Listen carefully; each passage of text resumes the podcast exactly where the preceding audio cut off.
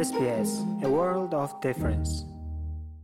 Өнгөрсөн жилүүдтэй харьцуулахад хамгийн чухал тооцогдож байгаа энэ жилийн төсвийн төслийг австралчуудад ойлгуулах ажлаа холбооны засгийн газраас эхлүүлээд байна.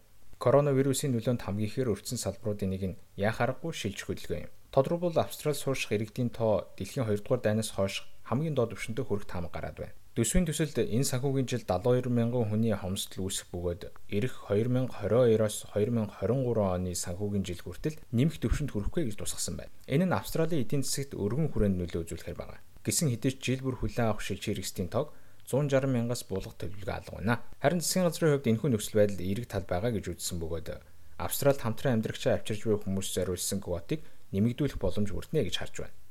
Ерөнхийдөө Скот Моррисон SBS төгсөн ярилцлагынхаа үеэр энэ төрлийн овоорсон хүсэлтүүдийг шийдэх боломж бүрдээд байгаа гэдгийг хэлсэн юм.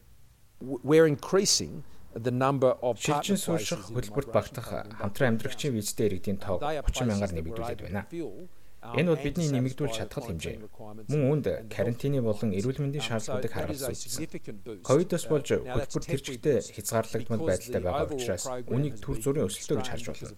Өөрөөр хэлбэл овоорсон олон өсөлтийг шийдэх боломж бүрдэж байна. Гэвч хар дээр цагаанаар бичсэн байдал нь тийм ч урайлаххан бос байна гэж үндэсний цөөхөн зөвлөлийн холбоо үзэж байна. Мохаммед Аль Хафажиг бол тус байгууллагын гүйцэтгэх захирал юм. Тэрээр энэ төрлийн визаар гадаадаас ирэх хүмүүст англи хэлээр ярьдаг байх шаардлага тавьж байгаа нь маш их хязгаарлагдмал байдлыг үүсгэж байгааг хэлж байлаа. Засгийн газрын зүгээс тэр хугацааны визтэй иргэдэд зориулж хангалттай зүйл төсөв тусгаагүй гэдгийг мөн тэрээр онцолсон юм. Хэрв таны хос англиар ярьдаггүй бол та нар уулзах боломжгүй гэсэн үг. Австрал шилжин суурьсан олон хүмүүсийн хувьд энэ бол шудраг бус үйл явдал.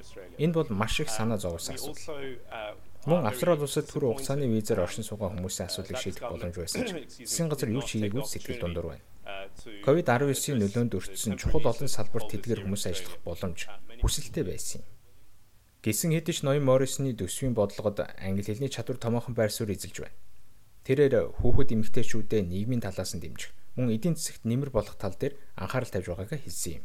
English language is so important Манай нийгмийн дэвшлийн суурь нь болсон уялдаа холбоог бий болгодог гэдэг утгаараа англи хэл бол чухал зүйл юм. Хэрэг бид англиар ярьдаггүй оронд очивол аюулгүй байдал, оролцооны талаас их хэлийг нь сурах хэрэгтэй болно. Эмэгтэйчүүдийн хувьд өөрсдийн эрхээ ойлгохоос эхлээд англи хэлний сургалт авах нь маш чухал юм. Мөн энэ нь эмэгтэйчүүдийг эдийн засгийн талаас оролцоотой байхад юм болох болно.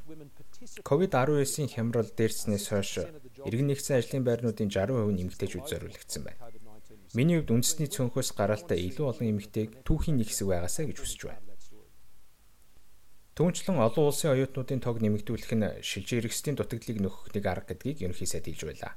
Харин сөрөг хүчний хувьд баг дунд орлоготой иргэдэд зориулсан түрээсийн хэмт байран зориулсан хөрөнгө оруулалт төсвийн болгод дутмаг байгааг шүмжиж байгаа юм.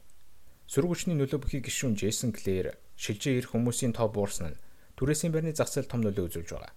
Гэтэл засгийн газар үнийг шийдэж чадсангүй гэж хэлж байна. Гадаадас шилжин суурьш хүмүүсийн хөдөлгөөн зогссон энэ үед хөнгөлөлтөд түрээсийн байр барих эсвэл тэднийг засварлахад хөрөнгө оруулах замаар орон сууцны эрэлтийн зүрэг тэнцвүүлэх ёстой. Харин засгийн газар үүнийг тоосонгүй. Төсвийн бодлогоор эмэгтэйчүүдэд дэмжих, нэг ялангуяа хөдөлмөрийн зах зээлд оролцуулах асуудал ихээхэн анхаарлын төвд байна. Учир нь энэ сар дахлын үеэр эрэгтэйчүүдээс илүүтэй эмэгтэй хүмүүс ажлын байраа алдсан байна.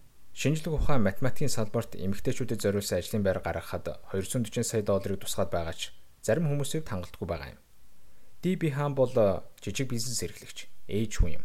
Тэрээр цар дахлын үеэр бизнес нь маш хүнд тохирол амссан хүмүүсийн нэг. Хэрв засгийн газараас ирээдүйн өрийг хөнгөвчлөхийн тулд төрөлтийн төвшин нэмэгдүүлэхийг хүссэн бол хүүхдийн халамжид зориулсан төсөө нэмэгдүүлэх хэрэгтэй байсан юм а гэж тэрээр хэлж байлаа. Really disappointed beyond disappointed. Маш их харамсаж байна. Харамсахаас ч илүү. Үннийг хэлэхэд эмэгтэйчүүдийг ажлын байраа хадгаж үлдэх. Ажлын талбар дээр гарахад өчүүхэн дэмжлэг үзүүлж байгаа нь доромжлол юм. Угаасаа дэмжиж байсангүй. Бидний хувьд эерэг ирээдүй харагдахгүй байна. Үнэн дээр инээ түрхээр байна.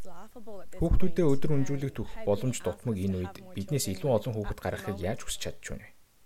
Хүүхэд харах үнгүй үйлчилгээ нь өндөр орлоготой хүмүүс санхүүгийн талаас нөлөө үзүүлж байгааг ноён Моррис хэлсэн юм. Мөн засгийн газраас нэг жилд хүлээн авах дөрвөстийн тоогоо 5000-аар чимээг өхөн бууруулад байна. Ийхүү 18750 байсан квот 13750 болж буурснаар 1 тэрбум орчим доллар хэмнэх боломжтой бөгөөд үүнийг аль хэдийн Австралид ирсэн дөрвөгчдөд зориулах боломжтой гэж засгийн газраас мэдэгдээд байна. Гэвч офшордох саатуулах байранд зориулсан зарлаа нэмэгдүүлж байгаа нь үүнийг үр дүнгүй болгож байгааг итгэвчнүүд хэлж байгаа.